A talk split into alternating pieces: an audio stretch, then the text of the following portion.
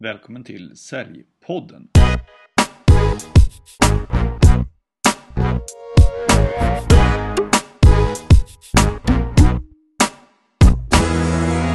Idag har jag en riktigt spännande gäst med mig här i Säljpodden, nämligen David Nordin från Norrköping.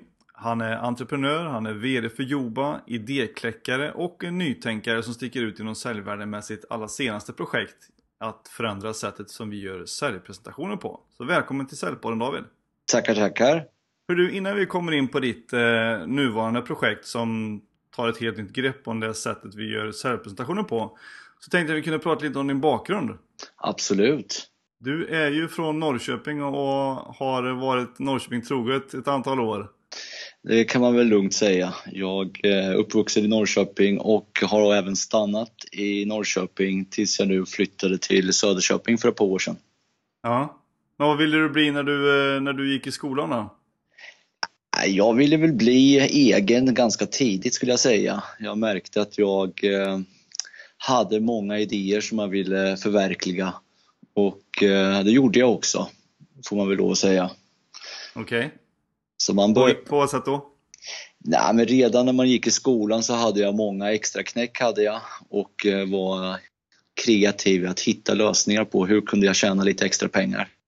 Mm. Så att, eh, ja, jag gjorde allt från att dela ut tidningar till att egentligen ja, hitta andra former för att eh, se till så att eh, dryga ut kassan. Och det var bland annat, jag sålde hårsnoddar till eh, tjejer på skolan.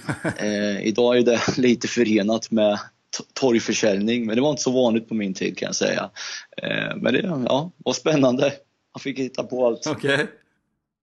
Jag hörde ryktas om att du hade varit eh, festfixare också en gång i tiden. Ja, eh, det, det, var länge sedan som sagt, men eh, det stämmer. Eh, I skolan så var, var jag en av de som konkurrerade med festkommittéerna. Eh, okay. och det, det gick väldigt bra, jag gjorde det. Så att, eh, jag blev uppsnappad av Polhammargruppen i Norrköping och eh, innan jag avslutade det kapitlet i mitt liv så slutade jag som eh, marknadschef på eh, en restaurang och, eh, som heter Restaurang Pallas i Norrköping. Och då var det ja, mer nöjesbransch i form av en fabrik ska jag säga och vi var väldigt duktiga på att hantera våra gäster och hur vi skulle kommunicera med gästerna. Och vi gjorde ju mycket konserter och julkonserter framför allt och dansturnéer och så vidare. Så att eh, det var en riktigt bra erfarenhet och jag har kvar eh, även mina gamla mentorer från den tiden som som jag fortfarande har daglig kontakt, eller daglig kontakt, men fortfarande har kontakt med. Eh, så att, eh, ja, det var mm. en bra erfarenhet. Hedliga Pallas i Norrköping alltså? Ja, absolut. men du, när kände du att det här med företagande då började bli intressant och någonting som du ville syssla med på heltid? Ja, men det var lite i den vevan ska jag säga att jag eh, var ju tvungen att komma på massa koncept egentligen eh, löpande för många dagar i veckan och eh, var ju då ansvarig för marknadsföringen. Och konkret var det ju att jag fick ju dels komma på ett tema men jag fick ju också sjösätta det genom att formge till exempel temats annonsmaterial och ja, hålla i allt från A till Ö om man säger. Så att Eh, jag var ju graf... Alltså, jag fick ju jobba mycket med att eh, producera grafiskt material från tidningsannonser till eh, allt från menyer till affischer och ja, all kommunikation kan man säga. Mm. Och ja, det var ju bara ett led egentligen till att ta det här vidare i sin egna tappning och då blev det ju en byråverksamhet egentligen i steget. Mm. Vad gjorde ni där då? Ja, vi började ju väldigt kort med att ta hand om trycksaker. Eh, sen så kom ju internet snabbt där och eh, det blev ju internet som eh, vi satsade på väldigt tidigt ska jag säga. Eh, dock var väl inte jag den som programmerade men jag kunde vara delaktig i, i utformningen av eh, ja, användarvänlighet och design. Eh, sen kände jag att eh, mina ådror för design var inte lika duktiga som de nya förmågorna som kom och då fick vi ju då eh, egentligen ta in nytt folk och det är också så, så det har rullat på kan man säga. Mm, vad gjorde ni i de här bolagen då? Eh, efter vi hade byråverksamheten till webben och internet så började vi satsa hårt på egentligen ordlekar eh, och utnyttjade egentligen nätets möjlighet med att jobba med interaktiv, interaktiva tjänster. Mm. Eh, så att vi formade dels en portal som heter korsor.se som snabbt blev en av Sveriges mest besökta sajter. Det här är ju runt 2001-2002. Mm. Vi låg på sjunde plats faktiskt, gjorde vi. Eh, och det var ju rätt kul var det för att då hade vi en knapp som hette Chefen kommer. Och det var ett Excel-ark som kom upp som gjorde att man kunde dölja hela, hela sitt korsordslösande, om man nu gjorde det på arbetstid. Okay. De tog tillbaka den faktiskt, fick ett nyhetsbrev här nu då. Eh, så att eh, den gamla hedliga chefen kommer-knappen dök upp igen. Så att det är kul. okay. Vad var det för kunder som, eh, som ni hade på den tiden då? Ja, förutom då våra vanliga prenumeranter så levererade vi också ordlekar till andra. Och det var ju bland annat Aftonbladet och Allers i Norge som egentligen hyrde hela vår plattform. Eh, Telia jobbar vi mycket nära med och Coop. Vi hade ganska många olika aktörer som eh, producerade den här typen av spel för. Då. Mm. Men hur kom du liksom in på de här eh, företagen? För det är ju stora nationella bolag. Hur, hur liksom jobbar du med sälj för att komma in hos dem? Ja, det var inte jättestrukturerat eh, får man väl erkänna. Vi, vi gjorde kallsamtal och sen mm sa vi att vi tyckte de, de behöver det här. Det saknas någonting på deras egen portal eller deras egen sajt. Sen hade vi inte jättemycket konkurrens på den tiden när det gällde det här och vi kunde systematisera egentligen leveranserna på ett eh, kostnadseffektivt sätt gjorde att eh, vi blev valda ska jag säga. Så att, eh, men ibland fick man vara ihärdig och försöka få till de här eh, första initiala mötena ska jag säga och det var väl lättare sagt än gjort ibland. Eh, man kunde få hänga på låset utanför och ja, man får vara kreativ även där. Det, marknaden var inte så stor så här tidigt eftersom internet i sig hade ju ingen riktig reklamkaka att finansiera den här typen av tilläggstjänster på. Mm. Det var väldigt man försökte kohandla ganska mycket ska jag säga genom att man fick trafik och så vidare och det, tyvärr betalar inte det några löner.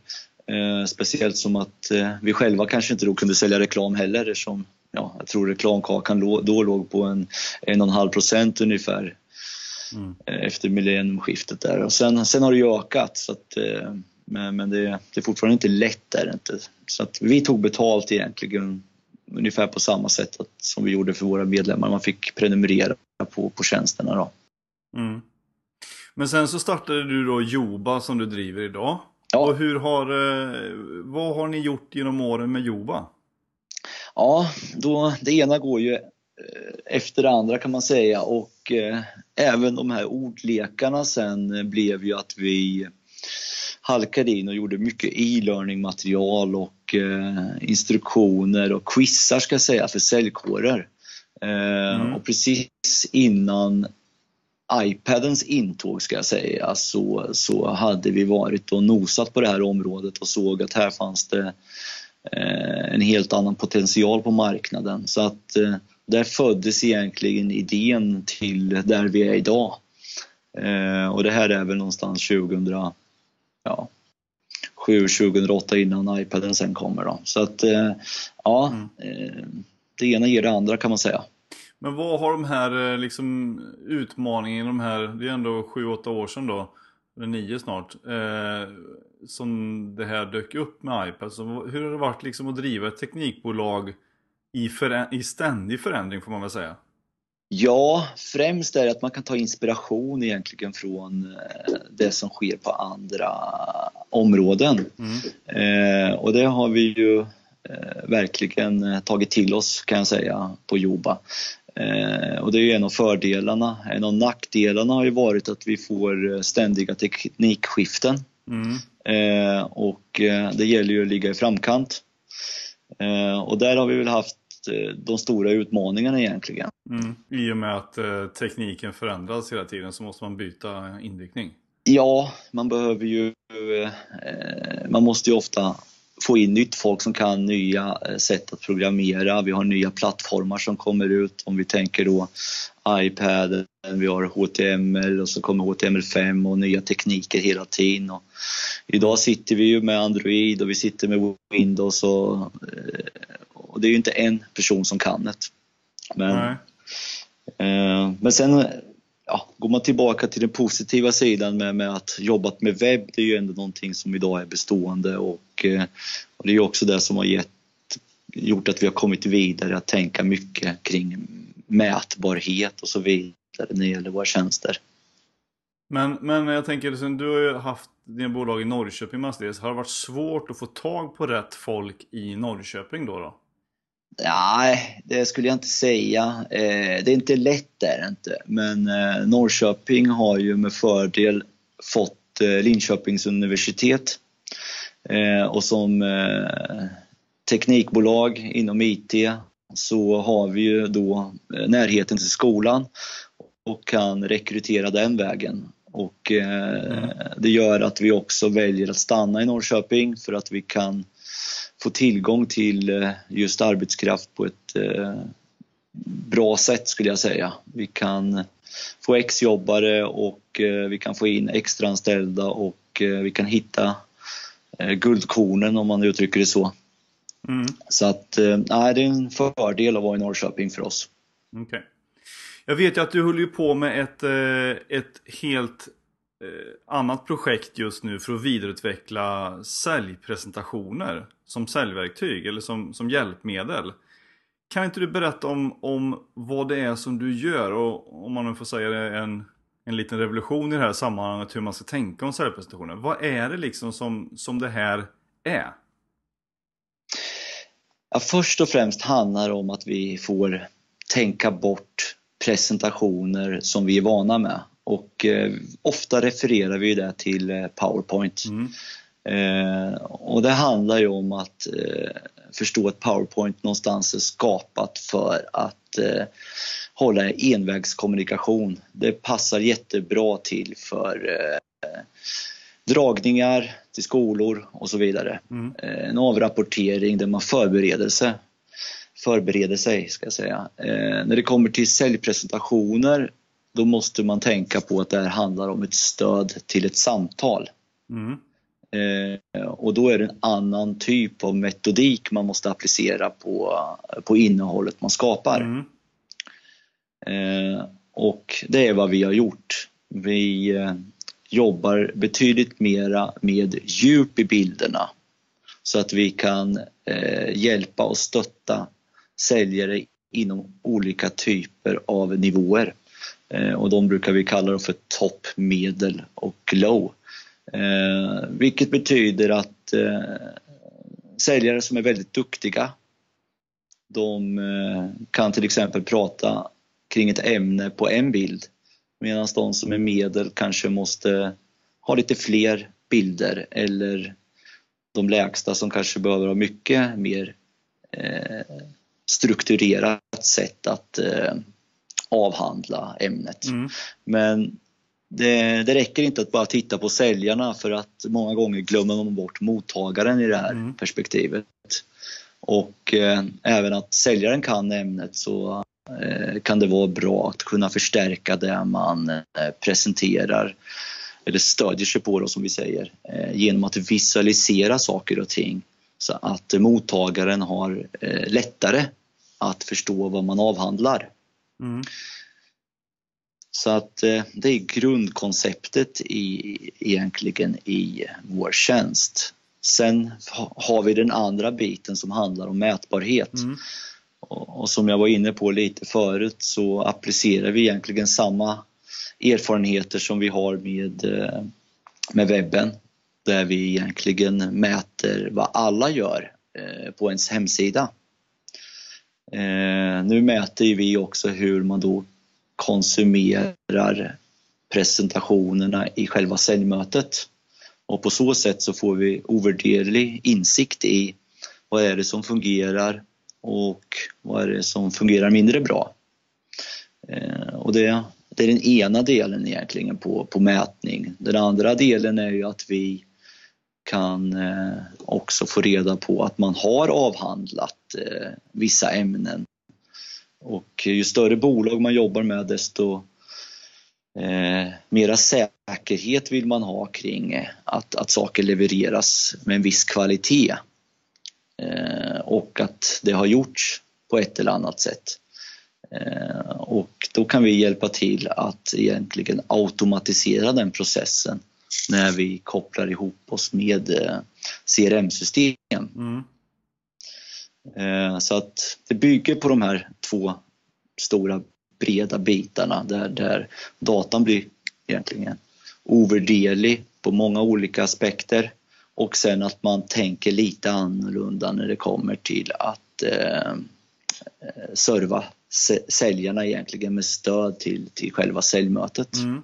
Men hur funkar det här om man börjar liksom eh, Första gången man träffar er, så, hur börjar det liksom? När man ska börja titta över sina säljpresentationer? Eh, det börjar med att vi eh, tittar på om man ska applicera den metod som vi förespråkar. Mm. Och det ska jag väl säga, det gör alla. Och då går vi in på att strukturera upp innehållet på ett lite annorlunda sätt. Vi jobbar mycket med stödord ska jag säga, precis som vi fick lära oss i skolan. Och med stödord så finns det ju möjlighet att då skapa sin egna story som säljare. Mm. Men även eh, stjärnorna och alla kan ha en dålig dag. Och då har vi begrepp som eh, vi kallar för livliner som gör att eh, vi kan fördjupa oss i presentationen med, med, med hjälp av det här. Eh, och när vi går igenom med kunden de här olika stegen så hjälper de till att leverera innehåll mm. baserat på metoden. Eh, och det blir då liksom, vad är, vad är stödorden i det här? Vilka är livlinorna? Vad ska vara fördjupande information? Vad är träningsmaterial av det här? Så att säljarna tränar på presentationen i ett träningsläge. Så att eh, man liksom ser till att paketera allt i en och samma värld. Mm. Eh, för att säljarna ska inte behöva hoppa ut i eh, och använda för många olika system egentligen utan eh, ja, vi ska se till så att de får en enkel vardag. Det är ju liksom, hela idén är ju att effektivisera säljkåren och tillgängliggöra det de behöver i kundmötet. Mm. Men, men jag tänker, här, de här som kommer med era presentationer och som de kanske har, eller jag vet inte, alla kanske inte har det heller. De, ja, men vi vill eh, berätta om de här sakerna. är det så att ni är tvungna att skapa hela innehållet till de här företagen? Eller kommer de med ett material som, ja men det här kör vi som kampanj. Kan vi strukturera upp det på ett bättre sätt? Ofta kommer de ju med färdigt material eh, till en början och där vi då tittar och analyserar hur materialet är idag och eh, där hjälps vi åt egentligen att se till att få mer material så att det fyller de här olika typerna av sälj, säljare och även olika typer av köpare. Så att eh, en, en, dynamisk interaktiv presentation som det här är som kan följa samtalet har ju betydligt mera innehåll i sig mm. än eh, en vanlig PowerPoint som ofta är, är linjär och eh, ofta är förberedd för att avhandla då ett, någonting som säljaren själv har bestämt. Mm. Eh, så att på sikt kan man säga att, att våra kunder behöver inte producera nytt material hela tiden utan eh, det blir liksom uttömmande till slut. Ska det här innehållet vara med? Är vi intresserade av att adressera våra kunder på det här sättet? Frågan blir istället ja eller nej och sen så försöker man ha tillgång till så, så mycket för alla situationer som, som, eh, som kan uppkomma. Jag kan tänka mig att liksom om man har tänkt sig då i en säljpresentation att det blir, liksom, det blir en linjär presentation. Att ja, men jag, ska, jag ska visa de här sakerna, det blir om företaget kanske och, och det här är alla våra produkter och så här mycket kostar det typ. Eh, det måste ju finnas eh, ganska stora brister i de här presentationerna då, eller ganska korta eller alldeles för lite information? Eller hur, hur, hur blir det oftast? Eh, ja, från början är det ju så att man kanske får många olika eh, vad ska säga, presentationer till underlag och så försöker man sammanfoga det här till en värld. Mm. Och strukturera upp innehållet så att det går att navigera emellan och hitta det. Eh, det är ju den första utmaningen man får. Visst, nytt material som man då inte har producerat. Där brukar man applicera vår metodik direkt. Mm. För då vet man vad man ska fylla det på. Eller fylla det med ska jag säga. Mm. Och eh, det gamla materialet får man ju då uppdatera löpande. Men man är igång ganska snabbt är man ju genom att bara få den här första kopplingen med att strukturera upp det man redan har. Mm. Hur brukar det vara då? Brukar det, du direkt känna så här att men Jesus, det här är ju Är ni verkligen ute och presenterar de här sakerna och hoppas på försäljning med det? Eller det Ja, det jag ska, vågar knappt svara på den frågan. Eh, Det finns ibland eh, ja, eh, två olika sidor på myntet som sagt. Många är ju väldigt eh, duktiga att leverera material på vissa områden skulle jag säga. Mm. Eh, speciellt liksom vad företaget står för och, och eh, har sin historia och, och det är väldigt väldokumenterat ska jag väl säga. Mm. Eh, men oftast kan det ju vara så att det där är information som kunden, alltså mottagaren, eh, är kanske lite mindre intresserad av. Initialt i alla fall. Mm. Eh, alltså kunder vill ju veta hur de kan bli behjälpta och gärna så snabbt som möjligt i ett möte. Mm. Eh, jag menar tid är, är, är något som vi alla har för lite av. Och eh, eh, man behöver nog eh, tänka om lite hur man disponerar innehållet och sätter upp sin egna strategi för mötet. Det kan bli avhandlat men ofta skulle jag säga att det blir avhandlat lite senare i processen. Och det här är ju saker vi vet eftersom, återigen, vi mäter, gör vi.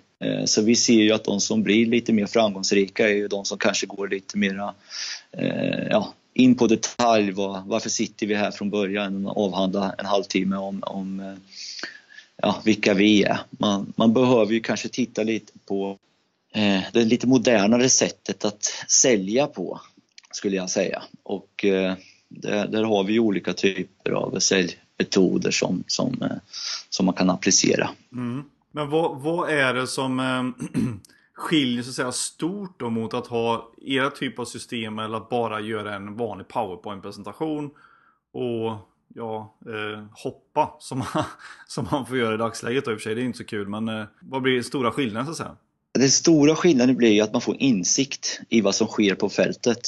Mm. Och eh, kan man inte göra en uppföljning så är det, har man ju väldigt svårt att identifiera var problem ligger någonstans. Mm. Eh, ska vi ta konkret exempel så kan det vara ett företag som rullar ut en ny produkt på marknaden Mm.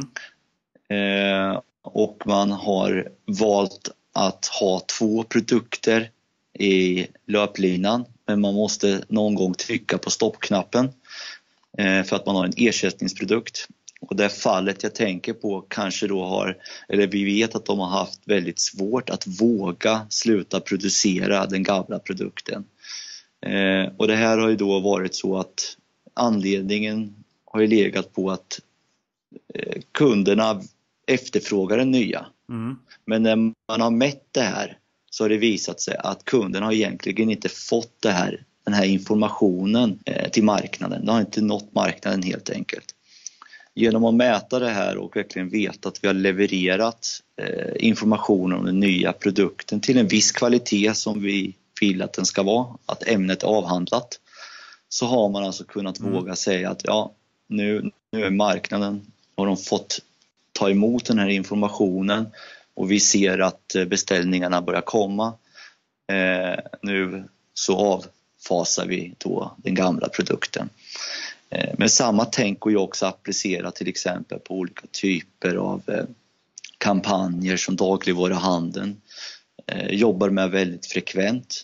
Eh, Där informationen om hur mycket presentationstid vi har med kund eh, gör att man fattar beslut om att vi försöker inte dra för många kampanjer för att då översäljer vi och så är risken att vi istället tappar eh, ordrar som vi precis hade. Och gör man då fem möten om dagen som de gör i den branschen, alla fall upp till fem möten, då blir skillnaden väldigt viktig på året. Att man har eh, egentligen strategiskt tagit beslut om hur man ska eh, göra sin säljcykel inom de här perioderna. Eh, för det skiljer eh, egentligen, blir det vinst eller inte. Men innebär det alltså att, eh, att du kan, om du rullar ut en ny kampanj så kan du i princip se att men eh, säljer verkligen säljarna på den här kampanjen eller på de här produkterna eller fortsätter de att vara trygga med det de har sålt i flera år och bara fortsätter att sälja på det för att de inte har orkat eller velat eller fattat att de ska switcha till en ny produkt och försöka få in den istället. Och det kan man ju inte se vanligt utan det, det blir bara en subjektiv bedömning i vanliga fall. Av en säljare. Ja. Exakt. Ja, du gav svaret bra. Det är alla, alla företag har ju olika utmaningar. Mm. Eh, det är precis som alla företags hemsidor ser olika ut och har olika mål med dem. Mm. Samma gäller när det kommer till säljpresentationerna. Vi har ju olika säljprocesser i företagen eh, och vi, har olika mål som vi vill uppfylla. Mm. Eh, med den här möjligheten till mätning så kan vi egentligen svara på vilken fråga du vill så länge du använder det material som kommer levererat genom oss. Mm. och då, man... Ja. ja, förlåt. Ja, jag kan flika in och säga att det handlar inte bara om att göra en presentation utan inom den digitala världen så har vi möjlighet att förpacka in allting i säljpresentationen. Så många gånger så ser man till att få ett konstigt dokument som är egentligen utplacerat där de ska vara på olika typer av slides. Eller att vi ser till så att det kommer upp automatiskt eh, delavslut eller frågeställningar så att vi kan eh, ställa de frågorna i presentationen. Så att egentligen man lämnar aldrig presentationens värld, inte ens om man vill besöka eh, låt oss säga mina sidor på sin egna webbtjänst. Då hamnar de också i presentationen. Så att man, man ser till så att man gör allt inom presentationen under tiden man avhandlar det här mötet. Mm. Men vilken data är det som man kan få ut då? Vad är det för parametrar man ska mäta i det här? Ja, eh, det beror ju på vad man vill eh, ha för mål med det. Men eh, framförallt så är det ju så att möten som i grunden handlar om att stödja sig på presentationen har ju väldigt dynamisk data. Mm. Så det enskilda mötet, det blir en historisk bild av vad vi avhandlade den samlade datan, alltså alla säljares möten, visar på vart någonstans i mötet kanske är det bäst att inleda med något, ta upp i mitten eller avsluta med. Mm. Så att eh, baserat på den här informationen så kan man säga att vad vi gör är att vi ser till att förena marknad och sälj att prata bakgrund på fakta eller som du själv var inne på, den subjektiva delen i det hela eh, blir utelämnad utan vi tar riktiga beslut egentligen. Men är det så att, eh, jag, menar, jag tänker som i, i vanliga fall när man har haft, jag vet inte hur många säljpresentationer man har fått till sig liksom att Ja men det här ska ni prata om och det här är säljsamtalet i bästa fall då, till eh, varje bild och sådär. Eh, men sen så är det ju det måste ju vara oerhört svårt för den som har suttit och gjort presentationen att veta, funkar den här eh, så som jag har tänkt mig? Jag menar, eh, hon som har varit produktchef eller marknadschef eller nu som gör presentationen eller säljchef. Som gör den och tänker att ja, men de ska säga saker och ting i den här ordningen. Men sen så kanske man märker att men det här funkar mycket bättre på ett annat sätt. Men hon som har gjort presentationen vet ju fortfarande inte att personen använder det på ett annorlunda sätt om du förstår vad jag menar. Som kanske är bättre. Ja. Kan man mäta de här sakerna? Ja, det kan man ju mäta, absolut. Eh, sen är det ju så, vi var inne på det lite tidigare, eh, tittar man på att till exempel man vill, ju, man vill ju bemöta och hjälpa olika typer av säljare. Så att eh, eh låt oss säga att om jag skulle prata om finansiering eh, och jag jobbar med eh, finansieringsfrågor eller säljer en produkt som kan finansieras så kan ju det vara olika delar av ett ämne som jag avhandlar och jag kanske använder bara en bild som säljare. Eh, Medan andra säljare behöver flera bilder och då ligger de ett steg under. Så vad man enas om egentligen tillsammans med säljkåren är ju vad är det vi vill berätta, alltså det är våra, vårt erbjudande eller våran lösning. Mm. Och den skiljer sig ju inte egentligen ifrån någon av säljarna. Alla säljer samma sak i det här läget, men de säljer på olika sätt. Mm. Vilket betyder att de också behöver olika typer av jag ska säga, stöd i samtalet beroende på om man vill ha lite bättre vägledning. Eh, då kanske man får liksom gå ner djupare ner i presentationen för att få, eh, låt oss säga de stödord som behövs. Mm. Eh, sen kan det vara så att mottagaren är intresserad av att veta en del av det här.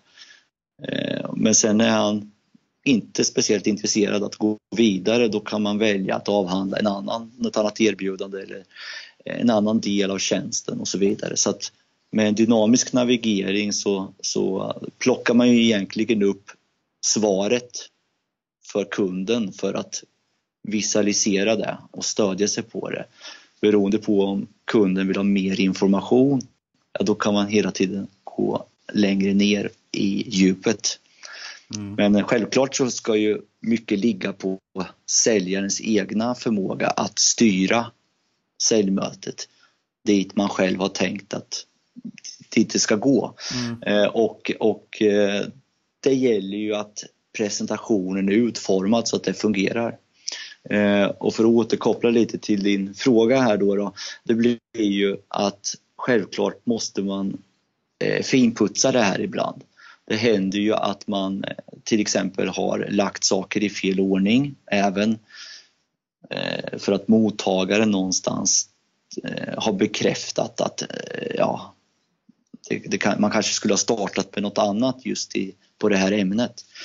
Och det händer ju att man optimerar presentationen löpande skulle jag säga. Förutom att man byter inte innehållet, man kastar om ordningen lite. Mm. Men det är den delen som då avhandlas i en eh, linjär sekvensbit för att förklara det, det man vill egentligen presentera och avhandla. Man kan eh. ta liksom en, man kan, man kan ta de här som, låt säga att du har ett gäng som, som lyckas få väldigt mycket affärer.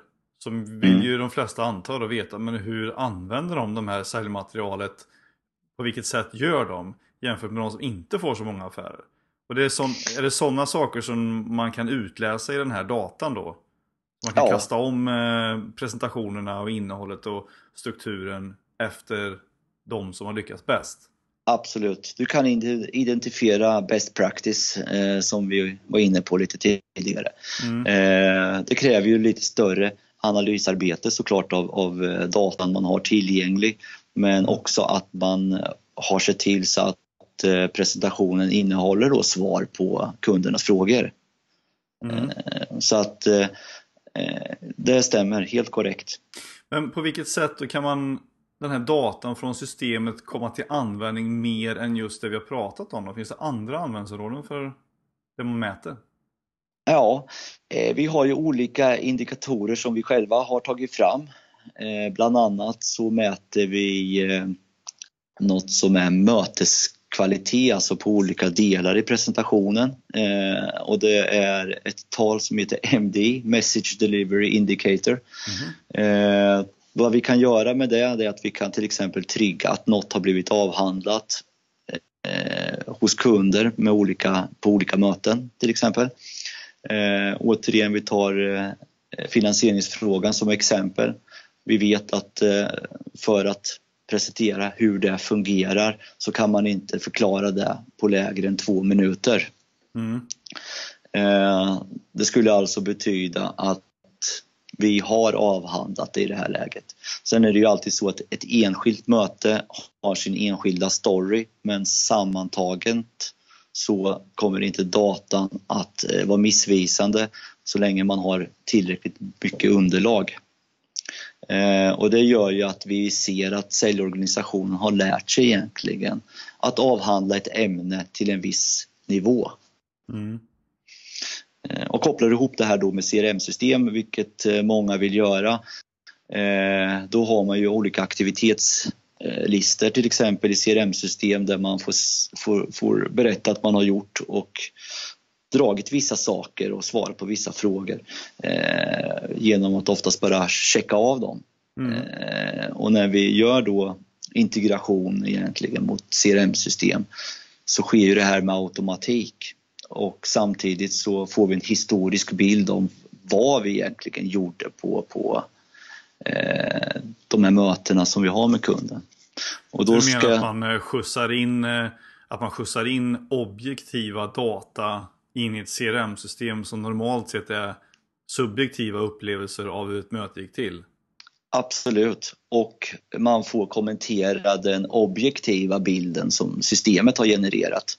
Ja. Vilket gör att man egentligen får betydligt mer konkret eh, data.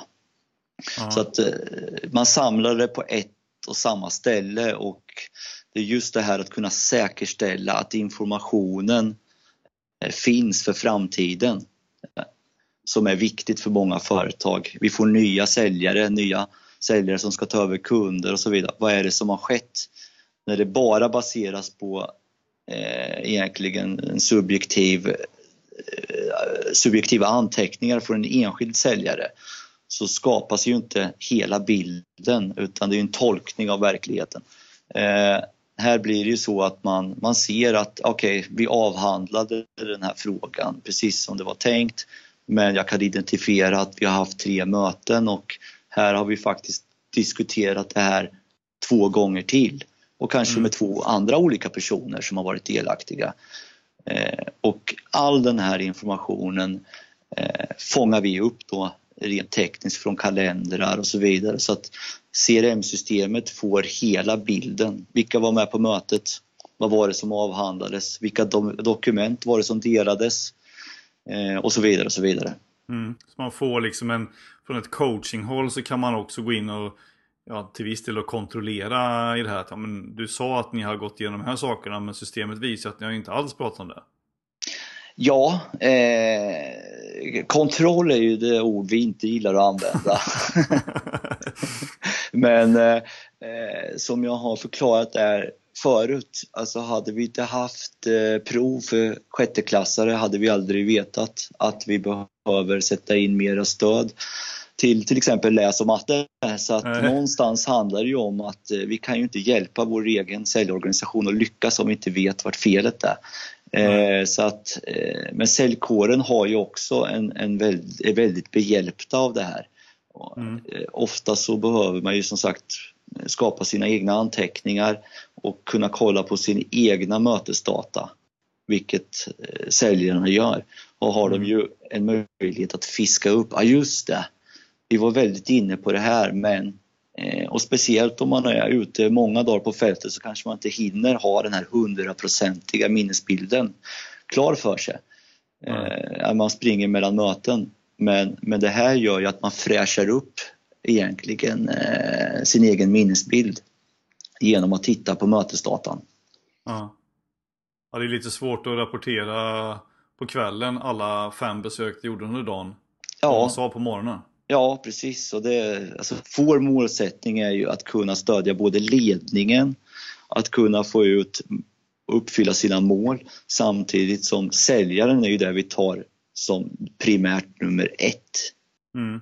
Kan vi effektivisera säljkåren, då kommer våra företag tjäna mer pengar, vilket gör att vi har nöjda kunder. Så att eh, vi tittar ju mycket till hur vi får säljarna att fungera bäst på fältet. Lyfta upp de som behöver mest hjälp och ta rygg på de som lyckas lite bättre. Absolut, det är vad det handlar om.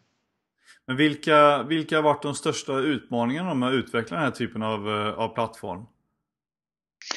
Eh, ja, det, det är ju så att eh, skapa innehåll som fungerar för många olika typer av situationer. Mm. Eh, det tar ju tid att kreera, ska jag säga. Mm. Ofta är det någonting som någon måste vara delaktig i att göra eh, och leverera löpande. Men mm. vi kan jämföra det med en powerpoint där man själv skapar innehåll. Att ofta så blir man väldigt mycket klokare efter att tiden går. ofta så är man ju smart direkt efter den senaste presentationen man gjorde och man uppdaterar sin powerpoint. Mm. På samma sätt så måste man ju jobba med det här systemet. Att man tar ju feedback från säljkåren och hjälper till att skapa material och visualisera frågor som egentligen kanske behöver mera stöd för vissa i säljkåren men återigen, tänk på mottagaren. Om de förstår det så kanske de köper av dig. Så att eh, det är så det fylls på. Man, man eh, tar ett ämne i taget och ser till att finslipa det egentligen så att eh, eh materialet blir tillämpligt till mm. säljmötena på ett eh, sofistikerat sätt. Mm. Men hur, jag tänker det du nämnde om Powerpoint där. Eh, man uppdaterar sin egen. Det finns ju en stor risk i, i slutändan av en termin att eh, varenda människa har sin egna Powerpoint så ingen vet eh, vad som sägs egentligen där ute. Ja, det var ju bra att du ställde den frågan för att det här ju handlar ju om centrala presentationer. Eh, vilket betyder att säljkåren använder egentligen en och samma presentation eller eh, delar på olika presentationer. Det som ska avhandlas eh, som är kundspecifikt eh, det laddar egentligen säljaren upp till sitt eh, möte som han förbereder och det gör han till samma presentation. Eh, så att man, man jobbar med en mix gör man. Eh, det är material som säljaren själv måste plocka fram. Det läggs, låt oss säga som i en mapp i den presentationen. Och eh, det andra bibehålls och var, låt oss vara centralt. Vilket gör att vi sparar tid också på att säljarna inte behöver skapa och plocka som man förr gjorde olika typer av bilder som man ville lägga in för man tänkte det här behöver jag presentera. Mm. Men återigen, man vet inte vad man kommer få för frågor från kunden vilket gör att man kan aldrig gissa sig till det och eh, säljaren eh, kommer då vara utrustad med, med bara en, en, en, presentation som är fortfarande eh, skapad av den enskilda personen men inte innehålla svar på kundens frågor. Så att eh, eh man, man, vi tillför egentligen lösningar på båda de här behoven. Mm. Eh, så att eh, säljarna kan ha med sig eget material, absolut. Men det är mm. centraliserad styrning som är det grundläggande i systemet. Så man har lite kontroll på läget i alla fall, vad som skickas ut? Ja, det, det är ju väldigt viktigt att eh, uppdateringar och så vidare kommer till dels till alla samtidigt, speciellt om det sker vissa förändringar så vill man inte ha gamla prislistor ute eller en produkt som har försvunnit eller vad det nu kan vara. Så, så vi ser ju till att alla har den sista versionen vare sig de vill eller inte egentligen eftersom mm. eh, det, det, är en möjlig, alltså det, hela systemet är uppbyggt för att, för att hantera den här processen. Men det här låter som det här är något som alla säljande bolag bör använda för att utveckla sina säljares både presentationer och i slutändan prestationer. För att fixa problem med, med kampanjer och säljpresentationer tidigt. Så, så vilka blir liksom kunderna? Ja, eh, det här är nytt där för många och eh, jag ska säga så här att sälj som vi alla vet är ju inte det enklaste vi jobbar med eh, och kunna lyckas få ut expertisen från våra bästa säljare kräver en intern process också. Mm. De kunder som vi har attraherat till det här är ju de som jobbar mycket med sin säljprocess. Eh, de som har en, en, avdelning som kan hantera de här frågorna eller lägger stor vikt till att optimera säljarna och göra deras vardag enklare. Eh, så det har landat i att det är större organisationer som eh, tar sig an det här och, och det handlar ju om att man har också många säljare, ska jag säga. Mm. Så att, ja, var det svar på frågan eller? Ja, är det, men är det olika, alla typer av branscher eller är det bara en specifik bransch som har nytta av det här eller? Ja, eh, alla typer av branscher skulle jag säga kan applicera metoden. Mm. Eh, absolut. Eh, och eh, vi jobbar ju själva med en rad olika dagligvaruhandeln har jag, har jag nämnt. Vi jobbar ju med mycket industrier, medicin mm. också. Mm. Så att vi har ju valt ut en fyra, fem områden där vi tycker att vi får egentligen en, en ja, där vi vet att vi har stora säljkårer egentligen. Mm. Men vi har även väldigt snäva, små, nischade branscher som ja, kan applicera det här. Så att eh, eh, det funkar för alla skulle jag säga. Mm. Men hur gör man då om man lyssnar på det här avsnittet och tänker att det här är någonting som vi nog borde ha på våra bolag? Då kontakta med oss. Eh, så, så träffas vi och tittar på hur de säljer idag egentligen för att eh, gå vidare, se hur vi kan optimera och eh, centralisera det hela. Mm. Så att det är första steget, är ju att se, se till och hur kan vi räkna hem investeringen väldigt fort Eh, och det brukar ju landa i att applicera ja, det vi har som vi var inne på förut och sen eh, därifrån få lite svar på hur saker och ting används för att vi sen ska kunna optimera innehållet i, i nästa steg. Så att vi börjar ju aldrig med kunden att de ska skapa helt nytt material från början. Jag menar det är ingen som tar paus i själva säljarbetet. Det bästa är att vi förstår hur sälj, sälj bedrivs idag Eh, och utgår ifrån den fakta vi får in. Eh, många, många säger att man, man kanske vill lösa eh, sin nya grafiska profil eller implementera sitt nya CRM och så vidare. Och det är egentligen helt fel väg att gå. Man, eh, man börjar ju samla in fakta från dag ett för att vara redo i, i egentligen i förändringsarbetet som kommer komma. Så att eh, vår rekommendation är att eh, ja, vill man ha det här så startar man med en gång egentligen för att få, få en djupare insikt i hur, hur det går till. Mm. Riktigt. Men du, vad tänker du? Du nämnde lite grann tidigare om det här med moderna säljmetoder som, som då dyker upp. Men det finns ju allt ifrån insight sales, challenger sales, social selling och så vidare. Händer det att du... Jag menar, ni har ju säkert tänkt på de här sakerna när ni har utvecklat det här systemet, men vad tycker du själv om de här nya metoderna som dyker upp? Jag skulle säga jag är förespråkare för det. Sen eh, tycker jag att eh, eh, och vad jag ser på fältet är att man skapar sig alltid en egen eh, säljmetodik baserat på, på eh, de här metoderna. Så att det blir lite en, en, en konstruktion som fungerar för, sitt egna, eh, för sina egna affärer. Eh, det viktiga är ju att man försöker eh, se till så att säljpresentationen och allt material man har egentligen alignar den säljmetodik man vill utöva. Mm. Och det är ju någonting som är en av kärnorna i vår verksamhet egentligen, se till så att de reflekterar varandra.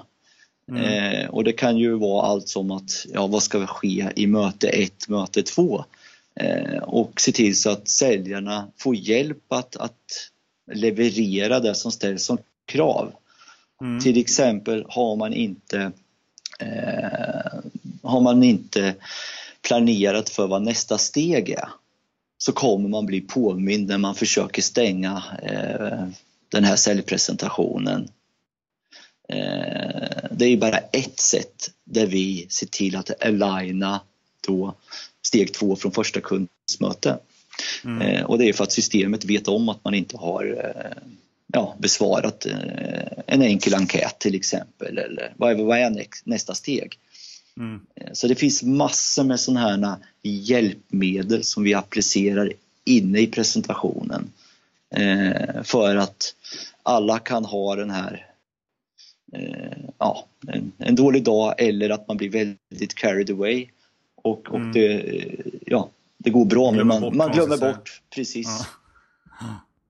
Men du, om vi, om vi hoppar eh, ut lite grann från själva systemtänket då eh, och, och tänker liksom på försäljning generellt. Har du några bra tips som alla, till alla människor som sysslar med försäljning och som man behöver liksom jobba mer generellt för att lyckas bättre?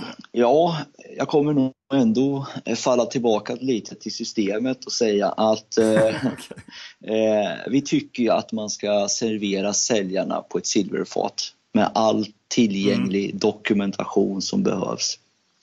Så att jag kan säga att 25% är ju det som man bygger innehåll för just säljmöten och säljpresentationer. Och 75% av innehållet landar ju i att bistå säljarna med utbildningsmaterial eller, eller andra typer av, av eh, information som kan snyggt paketera säljcykelinstruktioner, säljbiblar och så vidare. Mm. Så att eh, de har en källa egentligen till att eh, förkovra sig på det som man löpande skickar ut. Mm. Så att eh, tänk på säljarna som, eh, som vi tänker på vanliga konsumenter skulle jag säga. Att är det användarvänligt, snyggt paketerat, då kan de snabbt lära sig eh, vad de ska göra. Plus att mm. de kommer ha lättare att konsumera det här. Eh, ta bort administration så långt det går eh, och se till så att Eh, du strukturerar upp egentligen och ser till att frigöra tid så säljarna hinner sälja. Alltså göra det de är bäst på. Träffa kund och stänga affärer. Mm. Det är som med läkarna, slippa administrativt jobb, låt dem träffa patienten istället. Ja, eh, nu blev det en politisk fråga va? ja, kanske inte var helt, helt jämförbart men ändå. Ja, jag instämmer, men, så kan vi säga. Ja, men, men eh, för, för, när du utvecklat det här systemet då, vilka liksom böcker och, och eller andra tänkare runt sälj har du inspirerats av och, och följt? För att ja, vara med i den här processen? Ja, vi har ju, jag har ju själv eh, tittat mycket på spinnmodellen och sen har jag ju följt de nyare teknikerna och skulle jag säga Challenger Sales eh, är ju, är ju någonting som jag rekommenderar alla att, att läsa egentligen. Mm. Så att, eh, och du har inside selling, du har ju flera stycken egentligen mer moderna sätt att titta på själva säljprocessen. Mm. Men eh, man kan ju hårdra det här liksom, hur kan vi hjälpa kunderna? Vad är det för problem vi löser? Och vad har vi för köpare någonstans? Se till så att vi kan adressera våra kunder väldigt hands-on, om man får säga så. Så att eh, vi går direkt till kärnan tror jag. Speciellt eh, om jag ska ta min egna erfarenhet i, eh, i sälj så tycker jag att vi återigen, vi vill komma till skott redan till första träffen och förstå vad du kan hjälpa oss med. Och ibland krävs det att vi visar eh, direkt vad vi tillför. Eh, mm. Så att vi verkligen får till att komma till nästa steg. Även om vi kanske inte säljer direkt så kanske vi behöver två, tre, fyra möten. Men lyckas vi inte eh, klara av att leverera på första mötet till den grad så får vi knappast ett uppföljningsmöte heller. Nej, måste förstå värdet tidigt. Mycket tidigt och, och, och prata kundens problem. Eh, och gärna då skulle jag säga om man har tuffa motståndare kanske se till att ha eh, referenscase och, och eh, underlag så att man direkt kan visa hur man har hjälpt någon och göra en väldigt bra storytelling kring, kring värdet man erbjuder. Mm. Och storytelling är ju superviktigt för att få folk att få en känsla för saker och ting. Det är ju någonting att, att, att tänka till väldigt mycket om när man ska göra sina särpresentationer såklart. Ja, det, det är ju så och, och, nya säljare till exempel, de måste ju kunna lära sig att dra storytellingen ifrån en annan säljares eh, erfarenhet. Och det är ju väldigt lätt att som mottagare och kund kunna se igenom säljaren som drar någon annans erfarenhet om man inte har praktiserat och övat på hur vi hjälpte till exempel en kund. Mm. Och då krävs det ju fruktansvärt eh, mycket innehåll skulle jag säga så att man strukturerar upp det här. Eller fruktansvärt, men mycket hjälp till, till att luta sig på när man ska stödja den här storytellingen. Mm. Att eh, den som har gjort själva jobbet och hjälpt någon på riktigt, de lever ju i passion egentligen. Mm. Medan den som inte har varit med och gjort det på riktigt måste kunna förmedla samma känsla. Och det är då materialet kommer till hjälp. Mm. Vad spännande. Ja, det är spännande. Det, det, det, är ju en, och det är en process som ni har, när ni har utvecklat det här eh, systemet och jag antar att det är en ganska eh, intressant framtid här med att eh, se vart det här tar vägen. Men vad, vad, om du inte skulle hålla på med det här, vad, vad, skulle du vilja göra mer av i framtiden som du inte har gjort hittills? Nej, jag skulle inte vilja byta kan jag säga utan eh, vad vi tittar på nu det är ju egentligen att förädla det här till att bli mer, ännu mer sofistikerat egentligen. Mm. Eh, och när det gäller data driven sales som det här handlar om någonstans så, så alltså vi har ju bara börjat har vi och eh, eh, det finns fortfarande väldigt mycket att uppfinna och, och eh, vara ledande på. Så att eh, du får nog fråga, ställa samma fråga om tio år istället. Eh, men jag är inte klar än egentligen. Men ni har ju ändå kommit ganska långt på vägen. Ni har kunder i Sverige, ni har kontor och säljer i USA. Så att det här är väl någonting som är på väg då och, och eh, appliceras på mängder av företag och branscher bara de får eh, förståelse för hur man ska göra det här på ett bra sätt.